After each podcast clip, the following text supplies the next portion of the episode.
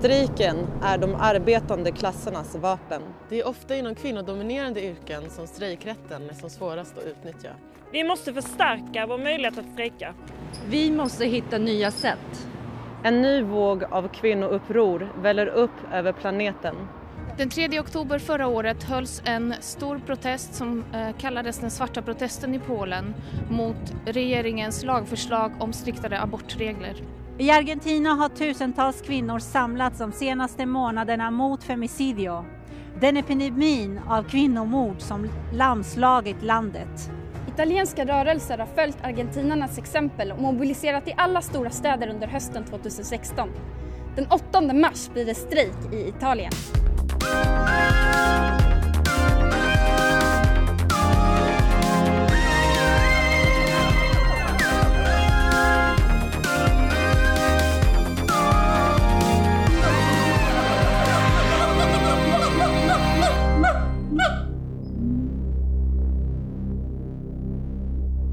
Var finns majoritetsfeminismen? Det frågade sig journalisten Kajsa Ekis Ekman i en artikel i Dagens Nyheter för nu tio år sedan.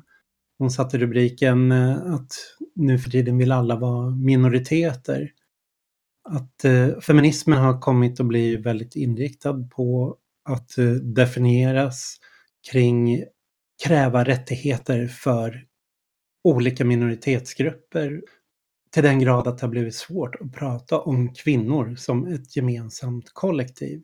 I det här avsnittet av Apans anatomi så ska vi prata om en eh, ny bok som har kommit på Tankekraft förlag. Den släpptes innan 8 mars samtidigt i USA, Sverige och en rad andra länder. Den heter Feminism för 99 procenten och är skriven av Cynthia Aruzza, Titti Bhattacharya och Nancy Fraser.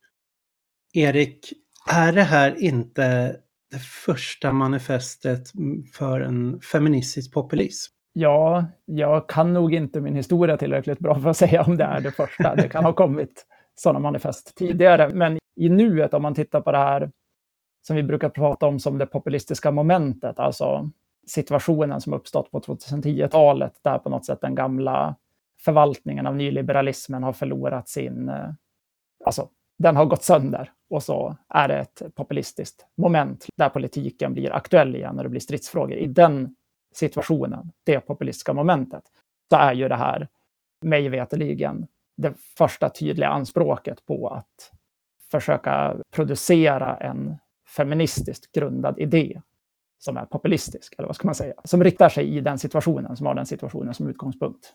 Att man försöker samla en majoritet och en samlad majoritet bakom begreppet feminism också. Och det säger sig själv om det ska bli en majoritet så är det även att det inriktar sig på en rad andra kamper. Få in arbetarrörelsen, miljörörelsen någonstans bakom feminismen som samlande paraply. Mm. Det är väl det som jag tycker är väldigt intressant med den här boken. Vi kan ju dra lite bakgrund. Vad är det som har hänt? Vad kommer det här ur för våg, den här boken? För den det är ju en manifest och en manifest är ju skrivet för en rörelse så den här kom ju ur en rörelse och till en rörelse. Ja, och man kan väl igen som många gånger så tänker jag att man måste börja med att säga jada jada ekonomisk kris 2008. Det är det som skapar det där populistiska momentet. Och det finns ju väldigt mycket i bakgrunden i den här boken. Att kapitalismen befinner sig i ett svårt kristillstånd. Det är en kris för, kanske inte bara för kapitalismen, utan för livet som sådant i och med klimatkris och så vidare.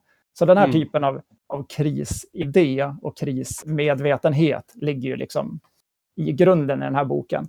Men kanske mer konkret för att, att man tänker sig feminism då som det samlande begreppet, så kan man väl säga att det har ju varit en rad ganska stora, ska man säga feministiska mobiliseringar eller kvinnomobiliseringar i olika länder, framförallt kanske under andra halvan av 2010-talet, 2016, 17, 18. Och det är ju mycket liksom i, rent konkret i de mobiliseringarna som den här boken har sin utgångspunkt. Och jag tänker att, att idén kom till att feminism kunde göra ett sånt här populistiskt anspråk. För den första av de händelserna, mig veteligen, och jag kan ha fel, för det är svårt när man kronologiserar, men som jag upplever deras narrativ, om man säger så. Den första betydande händelsen är i Polen hösten 2016 så la parlamentet fram ett utkast till en inskränkning av abortlagstiftningen. Och Polen har redan en jätterestriktiv, en av Europas i alla fall mest restriktiva abortlagstiftningar. Mm. Eh, och eh, katolska kyrkan och en del lobbygrupper hade lobbat för att inskränka den hela vägen till att egentligen den enda lagliga grunden var när en moderns liv då var direkt hotat. Nu finns det ett gäng andra sådana undantag också. Så det som hände var att man la fram det här som ett utkast i parlamentet. En majoritet röstade för det här utkastet. Och sen så kom det liksom, för mig i alla fall som såg det utifrån, relativt chockartat, en stark motrörelse som snabbt mobiliserades under den här hösten. Och den mm. kulminerade sen i att det kallades till en kvinnostrejk mot det här förslaget den 3 oktober 2016, tror jag att det var. Ja. Den dagen så gick eh, tiotusentals polska kvinnor ut i strejk. Man strejkade inte bara mot lönearbetet, utan man strejkade också aktivt mot, alltså, ja, vi kommer att komma in lite senare på det här med social reproduktion, men helt enkelt alltså att vara i, i skolan eller eh, driva vård och omsorgsarbete, att eh, ta hand om hemarbete. Även det innefattades i den här strejkidén. Samtidigt som tiotusentals strejkade så gick också hundratusen människor kanske ut på gatorna i olika städer klädda i svart. Det här kallades för den svarta måndagen. Så det var en väldigt kraftfull protest med ett strejkvapen inblandat. Så det gjorde liksom massa skada i ekonomin, stannade kollektivtrafik och sånt här. Sen gick det väldigt fort. Det visade sig i en opinionsundersökning att 74 procent av polackerna stödde att bibehålla lagen som den var, att 50 procent stödde strejken, att väldigt många kunde tänka sig att delta i en sån här strejk. Så bara liksom dagarna efter så backade det beredande rådet i parlamentet som satt och jobbade med det här lagförslaget. Parlamentariker efter parlamentariker distanserades ifrån det och även den konservativa regeringschefen. Och sen tre dagar efter strejken så, så röstades de det igen i parlamentet och det föll jättekraftfullt. Mm. Jag tror det var 50 personer som röstade för det och 300 någonting emot det. Så det blev ju, det här kom väldigt plötsligt, det blev väldigt starkt och det gjorde väldigt mycket avtryck. Mm. Vad ska man säga, det är ju liksom första händelsen.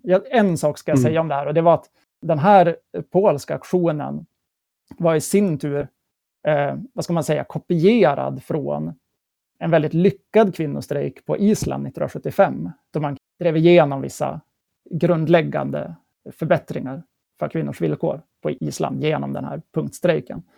Och det här var ju första stora proteströrelse som det konservativa nationalistpartiet eh, PIS, som är lag och rättvisa, som kom till makten året innan, då, 2015, mötte på.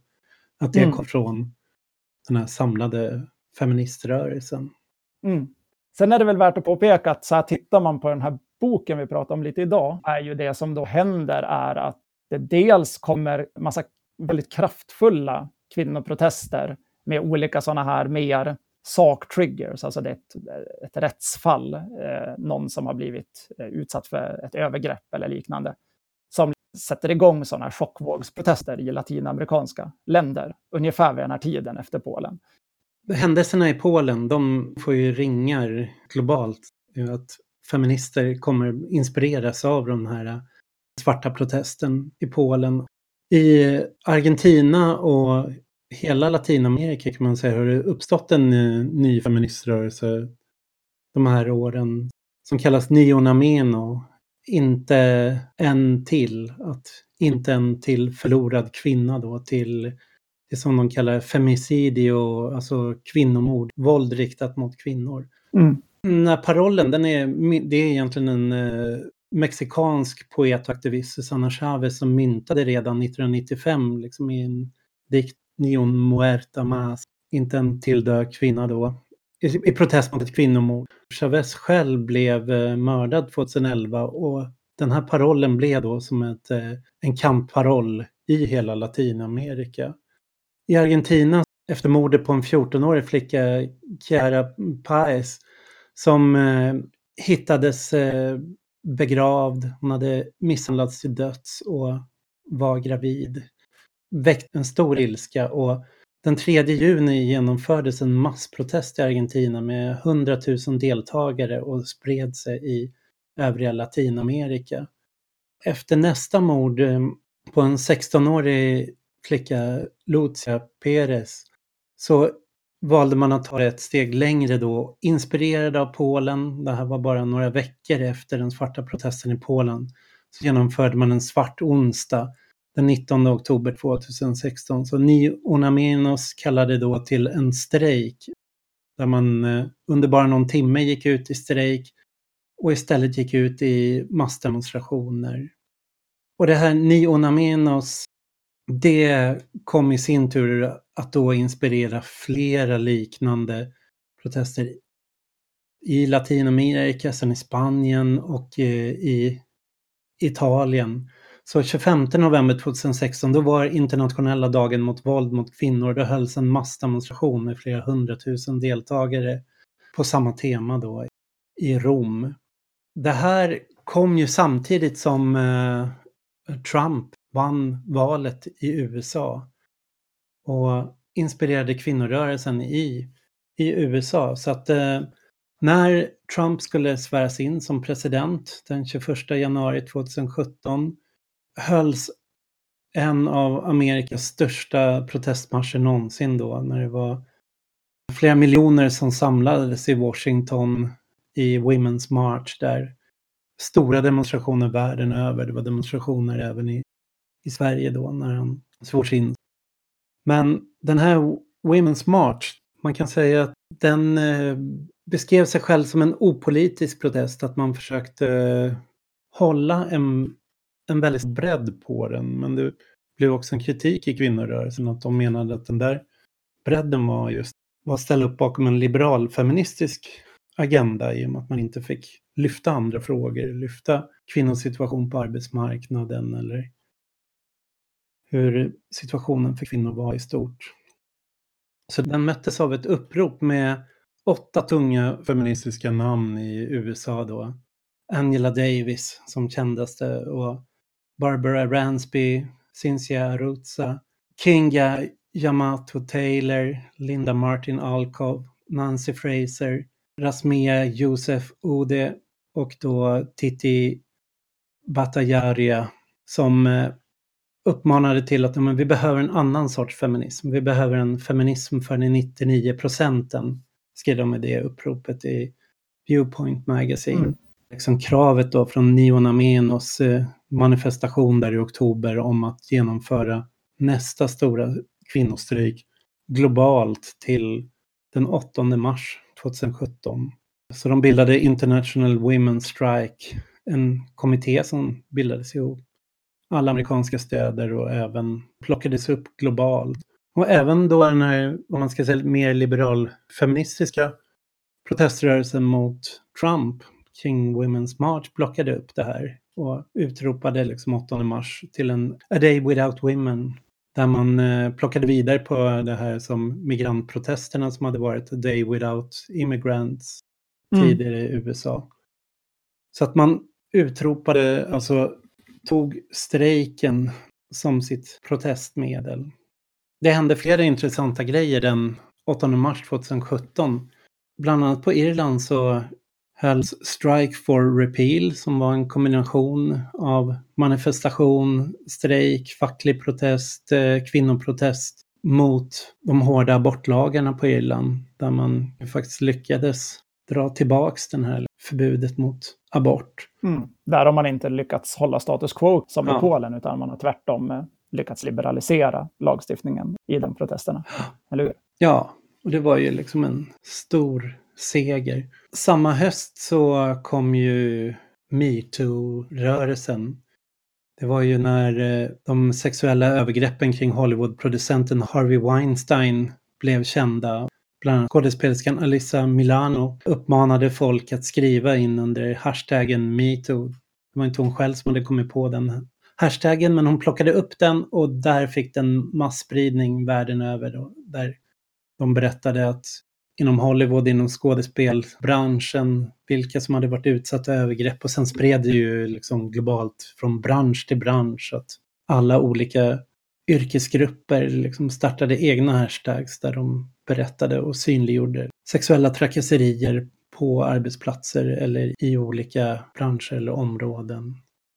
8 mars 2018 så fortsatte kvinnostrejken, hölls en andra global kvinnostrejk och vi har i år så hölls för tredje gången en sån här global kvinnostrejk. Det var 46 länder i år som deltog.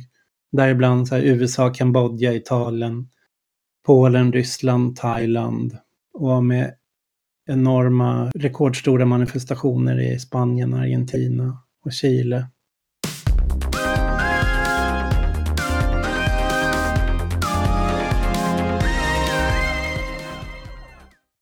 Man får ju känslan väldigt mycket av att även om det här är, är då sker i olika delar av världen och i ganska olika vad ska man säga, länder som har lite olika historiska kontexter, så är det ju mm. kraftfullast i liksom, eh, Latineuropa och Latinamerika, kan man säga så? Alltså Sydeuropa mm. och Latinamerika har ju liksom varit på något sätt kärnpunkter. Eller katolska världen kanske man kan säga också, eller hur? Där kommer ju liksom Polen och Irland in och så. så det kan ju vara så att man har hört eh, mindre om det här i Sverige också för att Sverige är lite då inte har varit lika mycket i den kontexten där det verkligen har rört på sig här. Mm. Vi kan väl se lite att det blir som två olika sorters strömningar. Att vi har de här Women's March och kanske kan man även liksom klassificera in metoo där som blev så stort i Sverige men även i en rad andra länder som Frankrike och USA framförallt. Då. Som en sorts strömning och sen den här just eh, rörelsen eh, med massmanifestationer mot kvinnovåld där manifestationerna går in och börjar använda sig av strejken och också börjar diskutera kvinnors utsatthet, inte bara för sexuellt våld utan även utsatthet på arbetsmarknaden. Som man kombinerar de frågorna och i hemmet. Ja, jag är lite, alltså jag, jag blir lite osäker av den där separationen. Liksom, för att på ett sätt så intuitivt så håller jag bara med om den när jag hör den. Alltså, att så här, det känns som lite olika saker. Och samtidigt tänker jag ibland att man kanske tänker så för att, alltså att man förstärker de kontextuella skillnaderna. Att typ, det finns en tradition i vissa länder av att demonstrera eller att strejka som är starkare. Och då är det ett vaneverktyg och så tillskriver man det en massa, jag vet inte, som vänsterperson kanske man tycker att det är det rätta eller det fina eller så här. Det passar med ens identitet medan vissa metoder, som om man tittar på metoo till exempel, eh, de mm. metoderna mm. som användes där och som vi har haft Fatta-kampanjen i Sverige, mm. som ju ändå väldigt framgångsrikt har drivit på för förändringar, så är det då någonting som inte ser ut som vi tänker oss en traditionell folkrörelse i Sverige. Utan mm. det är innovativt på något sätt, eller vad ska man säga? Mm. Men jag, jag, jag, tror man ska akta sig för att bara tänka att den separationen är faktiskt Nej, politisk. Liksom. I båda mån så kämpar man ju kanske för, det är ju ändå kollektiva aktörer som kämpar för lagförändringar till exempel, det vill säga inom systemet. Det är inte så att det är en tydlig separation mellan systemkritiska rörelser och inom systemrörelser? Mm, ja, jag vet inte riktigt. Eh, man kan väl säga som så att alla de här eh, brukar ju, man har ju klassificerat eller kallat att feminismen har kommit i olika vågor. Man brukar prata om första, andra och tredje vågen.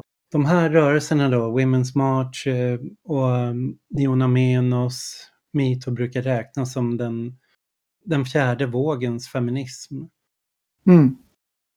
Man kan säga att varje, varje våg, det är ju också så här, det är svårt att prata om att vågorna skulle vara liksom helt väsensskilda från varandra. Det är ju inte så det ser ut. Det är ju mer den här, snarare den här mullvadsliknelsen att helt plötsligt så bryter en, en stor rörelse ut till ytan. Det pågår en, en väldig diskussion och sen efter ett tag så möter den kanske på ett bakslag eller träder in under jorden igen. Men det, det fortsätter ju pågå. Det pågår ju omvärderingar, det pågår går en intern kritik, intern diskussion. Så att när det väl blommar upp igen så är det ju ett arbete som har pågått under väldigt lång tid för att, som har förberett det där. Så kommer det fram rörelser som har utvecklat nya teoretiska perspektiv eller, eller nya praktiker. Och den här första vågen den brukar man ju koppla samman med kvinnorörelsen i vad ska man säga, 1900-talets början där kvinnorörelsen ses som en rörelse vid sidan av eh, arbetarrörelsen, nykterhetsrörelsen, andra av de här klassiska folkrörelserna och kräver kvinnlig rösträtt, rättigheter åt kvinnor. Mm. Där är en kvinnorörelse som har väldigt så här, universella krav, men den är också sker parallellt med en, en övrig folkrörelseorganisering, arbetarrörelsen till exempel, gör sina intrång liksom, på den borgerliga politiska arenan och förändrar den. Den andra vågen brukar man ju koppla ihop med 68. Det som sker då är ju återigen, det pågår en eh, mobilisering på så många plan i samhället. Den nya vänstern, liksom, men det kommer en rad, kvinnorörelsen, miljörörelsen, eh, svarta medborgarrättsrörelsen sker ju liksom parallellt. Även den andra feministiska vågen, där drivs en på ett sätt av väldigt så här, universella krav, att man kan prata om liksom en majoritetsfeminism, man kan uttala sig för alla kvinnor.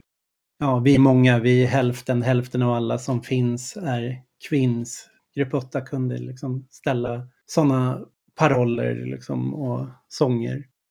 Den tredje vågens feminism, om den andra vågen sammanföll liksom med en generell liksom, vänstervåg under en period av så socialdemokratisk hegemoni så kommer den tredje vågen i 90-talets början.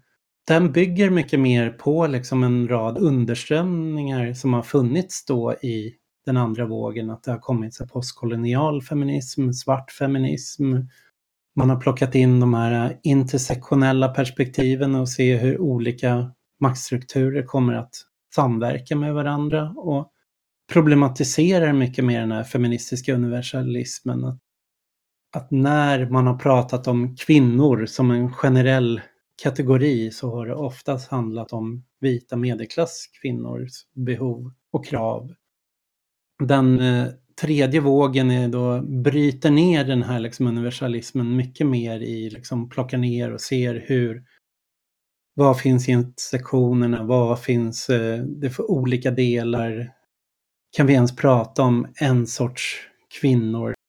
Poängen blir väl mycket så här att när man gör det, alltså när man pratar om, om en, så är det ett exkluderande perspektiv nästan alltid. Mm. Alltså kvinnor bara som begrepp betyder implicit eh, vita medelklasskvinnor till exempel. Och därför blir det ju viktigt att knuffa in de där distinktionerna. Liksom. Eller jag tänker att det blir poängen. att så här, mm. Då börjar man prata om dem istället, om, om distinktionerna. Så här, den här gruppens villkor, den här gruppens villkor, den här gruppens villkor. Hur hänger de samman? Och här kommer ju även queer-teorin in som eh, inspiration och sådana föreställningar som också bryter ner mycket mer också så här, men kvinnan som subjekt. Hur sker den där subjektiveringen till? Liksom, vad är det för strukturer som måste reproduceras, upprätthållas för att det ens ska finnas de här könsrollerna? Jag tänker att vi är inne på det här ibland. Nu pratar du om feministiska vågor och att det kommer på 90-talet. Liksom. Men den här poängen på något sätt att det finns, att så här grundkraften i, eh, vad ska man säga, 68-upproret är någon typ av kritik mot en ordnad kapitalism som är chimär på vissa sätt, men som också är alienerande och bygger på att saker ska vara homogena eller att människor ska vara homogena. Typ. Så det är ju den kritiken som liksom kommer 68. Men sen om man tittar på vad som händer rörelsemässigt efter 68, så vi har ju pratat tidigare om att det till exempel blir leninistiska grupper som får ett uppsving. De fångar ju väldigt dåligt den där andan och sen kommer den senare. Den tar sig uttryck liksom i massa sammanhang. förskjutet. När den här leninistiska vågen har dött av, då kommer liksom det där i olika sfärer. Att Mm. Den där omdaningen av hur det tänks kring feminism eller rasism eller miljöfrågor eller kommer i punkperioden typ och framåt. Så jag tänker att det är samma grej här liksom. Att det, det är en viktig grej som du här in där för mig att det här finns i 68 men det kommer inte till uttryck i den vågen av feminism som ligger de åren. Liksom. Tredje vågens eh, feminism får ju då kritik av många från andra vågen för att vara mycket mer individualiserad. Att det, där slagordet som andra vågen hade med det personliga politiskt. Där det, de saker du upplever personligen är inte, det handlar inte om dig utan det handlar om en kollektiv struktur. Så att om alla, man, alla individer liksom berättar om sina individuella erfarenheter så kommer ett kollektivt mönster framträda. Mm. Medan då andra vågen feministerna menade då att tredje vågen feministerna, de var mycket mer, de tog det här mer att det, det personliga är politiskt, det var liksom att det, det privata är politiskt. Att det handlar om ens egna val och ens egna identitet och ens egna, vad ska man säga? Att vara en upplyst individ som begår rätt handlingar och eh, skapar sig en ideal livssituation genom att ta strider med sin när, när, närmsta omgivning, är väl det man kan säga blir symptomet. Att Mm. istället för att striderna riktas mot stora strukturer så riktas striderna mot en nära omgivning. Och det gäller ju inte bara den tidens feministanalyser utan är ju på något sätt en, en metodtendens i tiden. Liksom.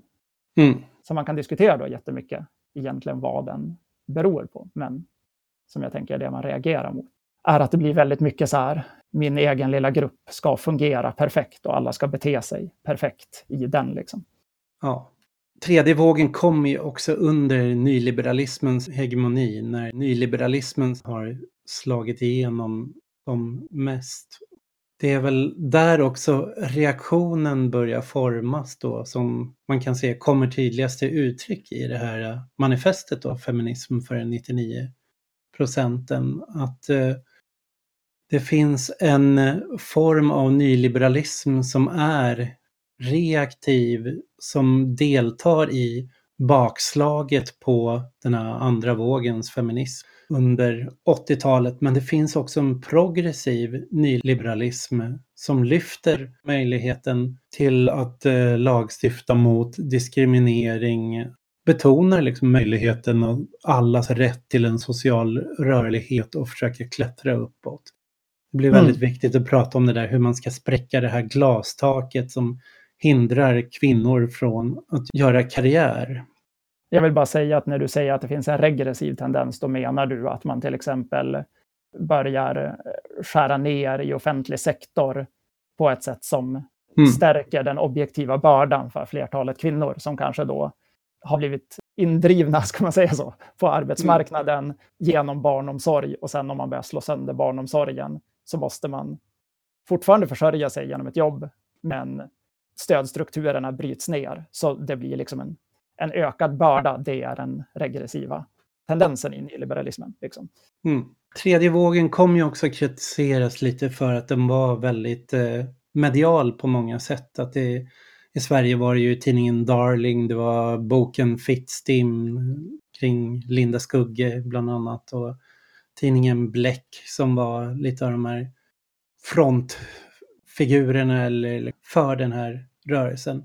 Den fjärde vågens feminism då, det hänger ju på många sätt samman med dels sociala mediernas framväxt de senaste tio åren, om den feminism som har blivit stor på, vad ska man säga, Twitter, Tumblr, liksom olika bloggar.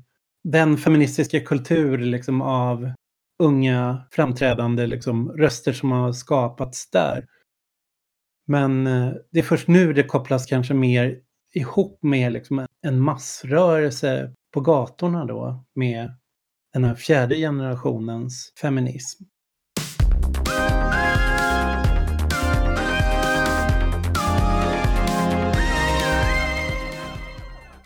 Då kan vi ju kanske komma in mer på det här Cinzia Arutza med fleras manifest För där tar den ju rätt tydligt ställning i det här. Liksom.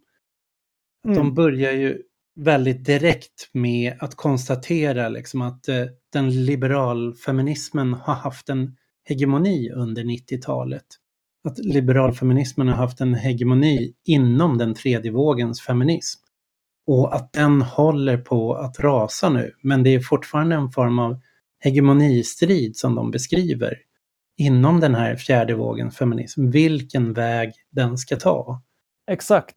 Om tredje vågens feminism kom under nyliberalismen så, det här är lite käpphäst som jag brukar dra, dra upp ibland, så om vi befinner oss i en interregnum, en slags eh, hegemoniskifte just nu där nyliberalismen på många sätt har försvagats och vi nu står inför två slags stora block som samlar sig som båda har sina rötter i nyliberalismen. Det ena är liksom ett eh, centristiskt block där socialdemokrater, nyliberaler samlar sig i någon slags mitt och försöker ha någon slags eh, progressiv nyliberalism som är rättighetsbaserad, som ska främja social rörlighet, främja möjlighet att göra karriär, skydda minoriteter. Och sen så har vi en annan strömning då som är den här reaktionära nyliberalismen, högerpopulismen som har växer i land efter land. Trump är ju ett tydligt exempel. Polska lag och rättvisa-partiet är ett annat tydligt sådant exempel. Och Mm. i eh, Latinamerika så har ju regim efter regim, liksom, nu senast Brasilien med Bolsonaro, svängt i den riktningen. Du kallar det här för nyliberalism egentligen för att den ekonomiska politiken handlar fortfarande om saker som att luckra upp arbetsrätt, att eh, sänka skatter för eh, rika Mm. människor eller företag eller ta bort arvsskatter och sånt. Alltså alla de här ekonomiska komponenterna av hur man tänker sig att kapital ska cirkulera eh, smidigare genom att liksom minska på staten och eh, låta de, de som har kapital förvalta över det som de vill. Det är ju intakt, Mm. men det knyts samman med ett folkligt missnöje som riktas mot invandrare eller mot att eh, eller en eh, det behöver inte vara invandrare, det kan vara en etnisk minoritet i landet eller det kan vara mot homosexuella eller det kan vara mot kvinnor. Då. Mm. Där man säger att så här, det mesta kommer att bli bra, men en av, en av sakerna vi måste göra är att liksom driva tillbaks kvinnor till den här mer traditionella rollen. Vilket ju är, är det vi ser i de här abortregressionerna i Polen till exempel. Och så. Så att vi har å ena sidan då liksom ett centristiskt block som eh, står för en eh, liberal feminism och så å andra sidan en högerpopulism som står för en antifeminism. Det här manifestet då, feminism för 99 procenten, ja, vad är 99 procenten? Det kan väl vara värt att ge lite bakgrund till det. Det är ju en slogan som dök upp i samband med någonting som heter Occupy Wall Street. Det här kanske många av våra lyssnare känner till, men jag säger det ändå. Occupy Wall Street var ju en av de här systemkritiska rörelserna som kom efter den ekonomiska krisen 2008. Alltså, de här rörelserna kom ungefär 2011-2012, men krisen var 2008, eller påbörjades då. Och i Occupy Wall Street så var det här for the 99% slagordet. Och man Eh, lyckades ta en väldigt pedagogisk diskussion i USA kring att den här idén om den stora amerikanska medelklassen som får det bättre, att den inte håller. Så det blev en stor diskussion. Ganska mycket kring så här statistik kring typ eh, just social rörlighet, ekonomiska tillgångar, bla bla bla, dök upp i USA. Jag menar merparten av de här författarna till den här boken som vi tittar på nu, de har förvisso många bakgrund i aktivistsammanhang eller i, eh, som organisatörer och liknande. Framförallt i det här tidiga, större uppropet. Om man tittar på Angela Davis till exempel. Men idag så är ju de, de flesta av dem i det större uppropet också i den här boken är ju verksamma som eh, professorer eller liknande på universitet och i synnerhet i USA. Så där finns det ju en färgning av den. Jag tycker att det gör det i hela boken, att det finns en färgning av den amerikanska debatten och kontexten liksom efter krisen i USA som, som Mm. kommer på något sätt ur Occupy. Och det gör titeln också.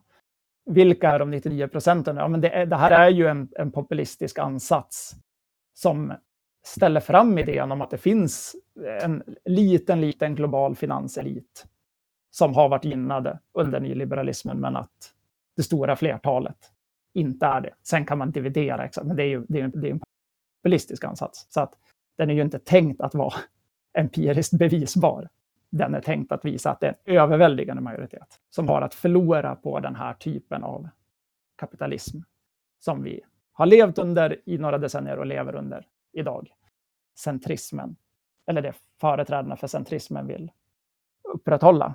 Om man ska titta på deras definition, och det här tycker jag då är, om man ska ta sig an boken lite, liksom, Mm. så tycker jag att så här, en av de absolut starkaste sakerna med den här boken, det är att perspektivet är genuint globalt. Exemplen, relateringen till eh, vardagsomständigheter och så vidare är genuint global. Eh, den hoppar liksom mellan latinamerikanska länder och Indien och Korea och alltså USA och så vidare. Alltså det, det är väldigt, eh, den är väldigt global på ett sätt som jag tycker är dels ganska genomtänkt. Alltså det, det syns att det är personer som faktiskt vet Mm. vad de snackar om i det avseendet. Men den är också väldigt, den är väldigt bra påminnelse om inte annat i hur, hur snävt synfältet kan bli ibland när man har alldeles för mycket nationell kontext till exempel för en politisk utgångspunkt. Så de 99 procenten i den här boken är ju globalt definierade, får man ju säga. Mm. Alltså, det är ett folkflertal på jorden som man argumenterar för, inte Mm. i, i en enskild nationalstatlig kontext. Liksom. Det är mycket som skiljer den här boken, för jag tycker det är ett populistiskt manifest, ett feministiskt populistiskt manifest, men som skiljer den från vänsterpopulismen. Och det här är ju en tydlig vänsterbok, men Mm. man ser till Chantal Mouffe eller här i Sverige kring Katalys och nybildade Reformisterna som har bildats kring Katalys, eller Åsa Linderborg och Göran Greiders bok, så, så diskuterar ju de, eh, de diskuterar ju klass som populism. De försöker Mm. ju arbetarklassen skapa ett nytt folk som ska vara det här populismens folk som ställs mot en elit. Medan eh, i den här boken, Feminism för 99 procenten, så, så är det inte arbetarklassen i snäv bemärkelse som man grundar projektet på och det är där feminismen kommer in så att säga. Men utan att man lämnar marxismen, utan att man lämnar en antikapitalistisk ansats. Och hur, hur gör man då det? Jo, det är istället för att utgå som det här klass som populism där man utgår från produktionen så utgår eh, de här från eh, den sociala reproduktionen och det är liksom nyckelbegreppet i hela den här boken då. Och det Mm. är med sociala reproduktionen så menar man då att kapitalet måste ju hela tiden återskapa sig själv. Men det måste ju återskapa också arbetskraften. Att det måste finnas nya arbetare som kan gå och jobba imorgon och det måste, arbetskraften måste skolas upp. Den måste upprätthållas. Överleva. Ja, den måste överleva och den måste ges en lön där lönen egentligen inte motsvarar vad den presterar ju, utan vad det kostar att överleva. Lönen är liksom Mm. kostnaden för reproduktionen. Men det där är intressant för att det där är ju direkt relaterande till hur, hur Marx uttrycker det i sin teori, Mm. men där, där emfasen läggs om lite. Alltså det Ja. där tugget sägs alltid, men här läggs det en så tydlig emfas i det där. Okej, det, det är arbetskraftens, kostnaden för arbetskraftens reproduktion. Okej, vad är den reproduktionen? Liksom? Ja.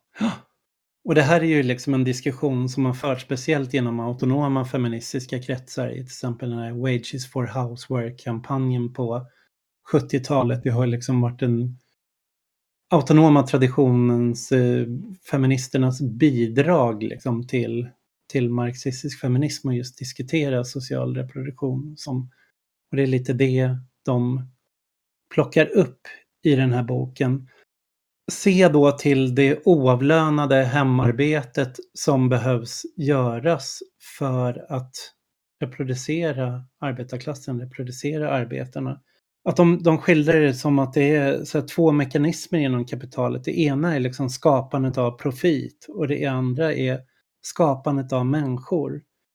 Och där de ser att problemet med, ett av många problem med, med kapitalismen är att den, den kannibaliserar sina egna existensvillkor så att säga. Den, den precis som den suger ut arbetskraften på arbetsplatserna så suger den ut, överutnyttjar också den här sociala reproduktionen som ett gratisarbete för sig.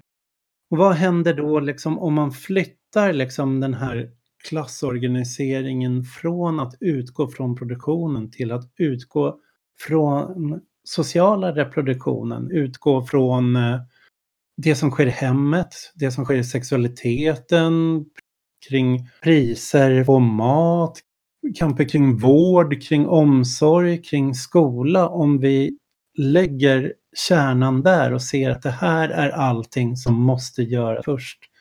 Det är grundförutsättningen. Mm. Nej, men jag, jag, tycker att det som blir intressant då, om man ska återvända till hur det här är marxistiskt utan att vara, vad ska man säga, arbetaristiskt, eller alltså utan mm. att utgå från en sån här klassisk eh, börja på fabriken, det är arbetarklassen, fabriksarbetarnas synvinkel, liksom. så är ju det att när man tittar på det här begreppet reproduktion eller eh, social reproduktion på det här sättet, så kan man tänka på strukturer kring vad ska man säga, rasifiering eller underordning på grund av etnicitet, liknande saker. Och framförallt miljöfrågor i exakt samma led. Att kapitalismen kannibaliserar på exakt samma sätt på miljön. Den betalar mm. inte för, för grundvillkoren i miljön utan förstör dem. På samma sätt som den gör det med miljön, eller den. Men så här uttrycker de sig. De uttrycker sig som den om kapitalismen, som ni tänker göra det. Men på samma sätt som kapitalismen eh, begår rovdrift på miljön och inte har det i sin beräkning, utan det är bara ett grundvillkor, så är den sociala reproduktionen det genom till exempel obetalt hemarbete. Och på samma sätt så kan man pusha gränserna för där det inte håller, mm. där det går sönder, där det blir en kris i meningen att man, att man helt enkelt inte får tillgång till en fungerande arbetskraft. Typ folk blir utbrända och sjukskrivna, barn blir inte utbildade och hyfsade. Alltså, alla sådana mm. här saker som ska på plats händer inte. Det blir utmattning i den sociala reproduktionen. Och det där är mm. ganska svårt att se i en krisanalys, där man börjar med att titta på så här, vad är det som har hänt med de här företagens vinster? Okej, de här bilindustrierna har gått åt helvete. Typ.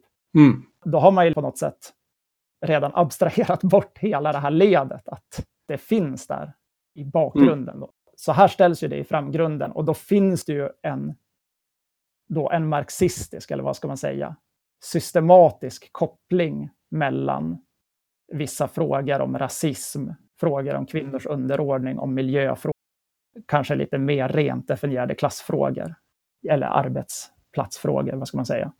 Och det här, de skiljer sig från en slags vulgär marxism eller de så här eh, vulgärklasstänkande att säga att ja, men, så här, kvinnofrågorna kan vi ta sen, det är arbetarkampen som gäller först, utan här blir ju någonstans kvinnokampen blir, alltså som en kamp inom sociala reproduktionen, blir en central kamp för hela arbetarklassen inom hela klassammansättningen. Någonstans kan de komma runt det här liksom med fackföreningsrörelsen, den, den vita manligt arbetartraditionen så att säga, genom att de lyfter en annan arbetartradition, de lyfter en annan arbetarrörelse och gör den central och ser hur att den skulle kunna vara den som kan fungera som en nav att knyta alla andra kamper till sig. Att vara den här tomma betecknaren som förbinder alla, alla kamper, alla krav och ger dem en slags gemensam artikulation. Mm.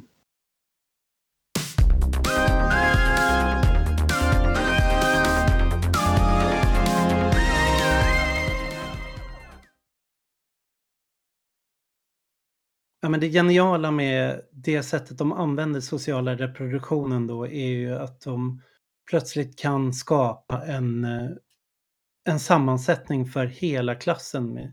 Det är inte så att man sätter arbetet, produktionen åt sidan utan man ser snarare till liksom vilka förutsättningar som eh, även den kampen inom produktionen behöver. Att kampen om lönen handlar om en kamp om att kunna reproducera sig, att man behöver lönen för att överleva. Stiger hyror, försämras sjukvården, eh, försämras skolan, så undergrävs ju lönen så att de eh, reproduktiva kamperna är en förutsättning och det placerar då plötsligt feminismen i centrum som det centrala som man kan bygga en, en hel klassammansättning kring. Att samla ett helt projekt för majoriteten av befolkningen.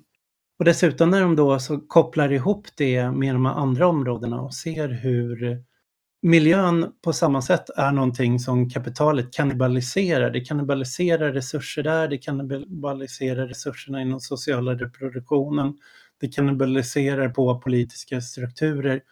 Gemenskaper i allmänhet nämner de ju ja. ganska ofta också. Alltså olika typer av eh, alltså, gemenskaper mellan människor som inte... ja. ja, och att det är liksom i sin vinstjakt, i sin profitjakt så förstör det förutsättningarna för sig själv, sina egna existensvillkor. Så att det undergräver för sig själv och kvaddar hela systemet. Där blir det riktigt intressant. Då är det nästa grej de gör då i det här att sätta sociala reproduktionen som central för en sammansättning i ett populistiskt projekt. Det blir den liksom tomma betecknaren. De kan knyta ihop alla kamper, alla former av krav med genom feminismen, arbetarkampen, kampen för miljön, liksom alla kopplas upp på det här. Men då tar de ju in en kampform för det här också. Och mm. det är där det blir intressant att de lyfter fram strejken, men de lyfter strejken ur produktionen enbart, utan tar också in den i hela sociala reproduktionen. Och vad innebär då en strejk i sociala reproduktionen? Vad innebär en, en kvinnostrejk? Ja, man kan väl säga att alltså, vi har ju liksom negativt definierat det på något sätt genom att försöka beskriva vad den sociala reproduktionen är. Jag tänker mig själv i alla fall att om man inte ska göra det begreppet allt för vagt. Jag sa ju just att så här, man pressar villkoren för det här, alltså det man inte betalar för i mm. olika sammanhang. På, sam, på samma sätt så är det ju ganska uppenbart att vägrar man upprätthålla de där, vad ska man säga, socialt reproduktiva funktionerna som det vilar på, så fungerar det på samma sätt som en arbetsnedläggelse av det betalda. Mm. Liksom. Eh, så man kan ju vara väldigt konkret och prata om att det här handlar om då omsorgsstrukturer kring det produktiva. Alltså man kan prata om offentlig sektor, vården och skolan och så vidare. Men man kan också ta in saker som hemarbetet och hur det mm. överlastas. Så att där det fallerar är kanske inte att till exempel då i en traditionell tanke om en kärnfamilj att det är mannen som inte går till arbetet. Det är där strejken sker, det är där det fallerar. Mm. Utan att det är i ledet innan det fallerar. Att så här, allting det som han behöver för att kunna gå till det där jobbet finns inte där. Då är mm. han tvungen att lösa det. Liksom. Eller i förlängningen då inte han, utan kapitalet som social relation. Är det, är det, blir det för... jag är rädd för att göra det för vagt, men jag tänker att poängen ja. kanske går fram lite. Alltså, man får ju, man, jag tänker att det är en sån där sak som går att utforska. När man ser det polska exemplet, ser att de tar upp det så här. Ja, men okej, vi gör inte hemarbete också.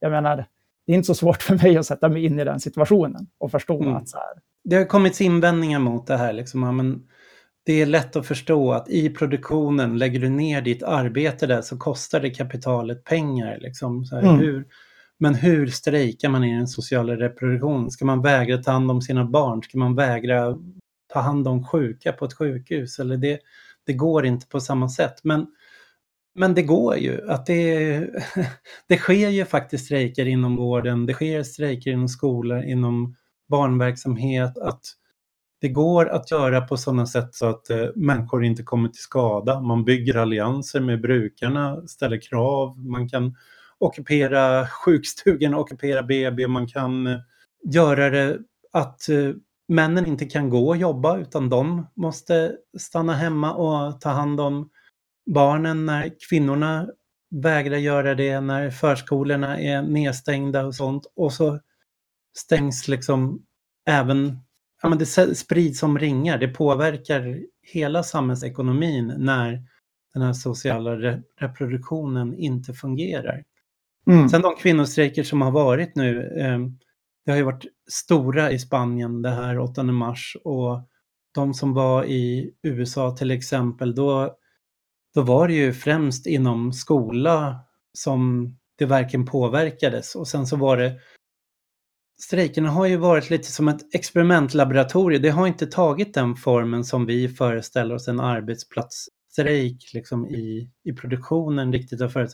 Vissa företag har liksom givit sina anställda ledigt och gå på manifestationen. Andra företag så har folk sjukat sig.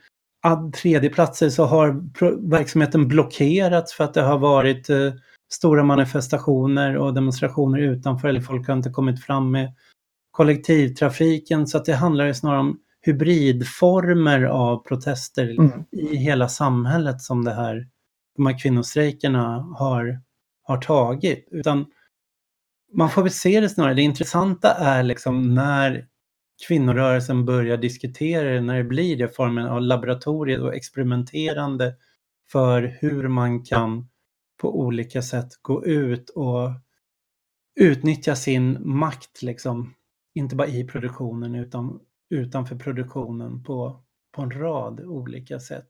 Ja, men migrantstrejken är ju, har ju fungerat på samma sätt och nu klimatstrejken som pågår.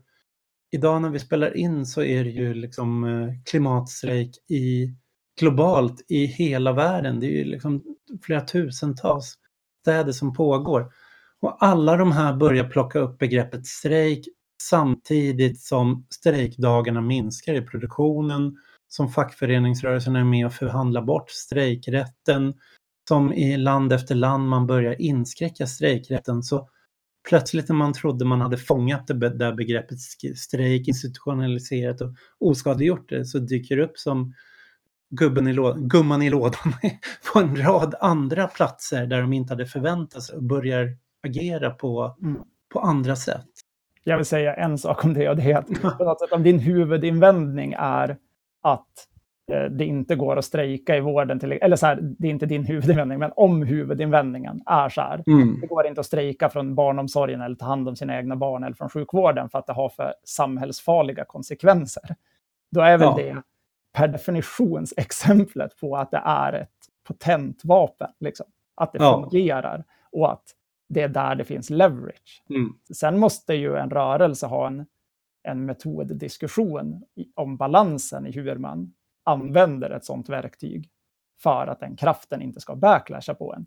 Det är ju mm. exakt samma läge som man ställs inför när man störtar Mubarak i Egypten och ockuperar Tahrirtorget. är ju så här, det blir kaosigt. Man måste ha en mm. plan för hur folk känner i det kaoset. Och har man inte det så kommer, kommer det komma reaktioner. Liksom.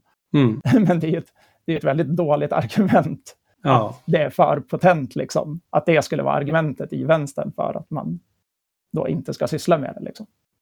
För att summera hela den här boken då som avslutning så är det ju då intressant att de har hittat ett medel, de har hittat den här strejken i den sociala reproduktionen, de har hittat ett fält, den sociala reproduktionen, som är antikapitalistiskt och som kommer att påverka liksom hela produktionen kunna liksom fungera enande för alla delar av arbetarklassen. Och de använder feminismen som den här tomma betecknaren då, som knyter ihop alla de här olika formerna av kamper, oavsett om det handlar om eh, konflikter kring klimat, produktion eller social reproduktion, våld mot kvinnor, liksom i en gemensam form. Alla de här är ju väldigt intressanta som ett populistiskt projekt eller som ett politiskt feministiskt projekt. Och också hur de då definierar i det här manifestet att de vägrar ta ställning mellan en eh, progressiv nyliberalism, centrism, liberalfeminism å ena sidan och den här reaktionära populismen, liksom högerextremismen och antifeminismen Det där går ju att exemplifiera väldigt lätt genom att säga Trump versus Clinton. Liksom. Ja. Det är ju den striden på högsta ort. Det är ju Ja. den progressiva nyliberalen som skulle bli president för att vara den första kvinnliga presidenten och krossa glastaket för alla andra och bla bla bla versus Mm. den högerpopulistiska demagogen som... Eh, ja. Så att, eh, jag tänker att det är det de knyter till, även om de aktar sig för att bara prata i det exemplet. Liksom. Men alla förstår Ja. det. Tycker att det är bra att säga. Ja, vi får avsluta där. Vi har tänkt... Men vi kommer lägga upp länkar. Det finns massor med mer att läsa om det här. Och boken finns ju ute just nu. Så Det är också ganska värt att säga som en sista punkt att alltså den här boken är knappt 100 sidor lång. Den är uppdelad i 11 teser. Den tar högst några timmar att läsa.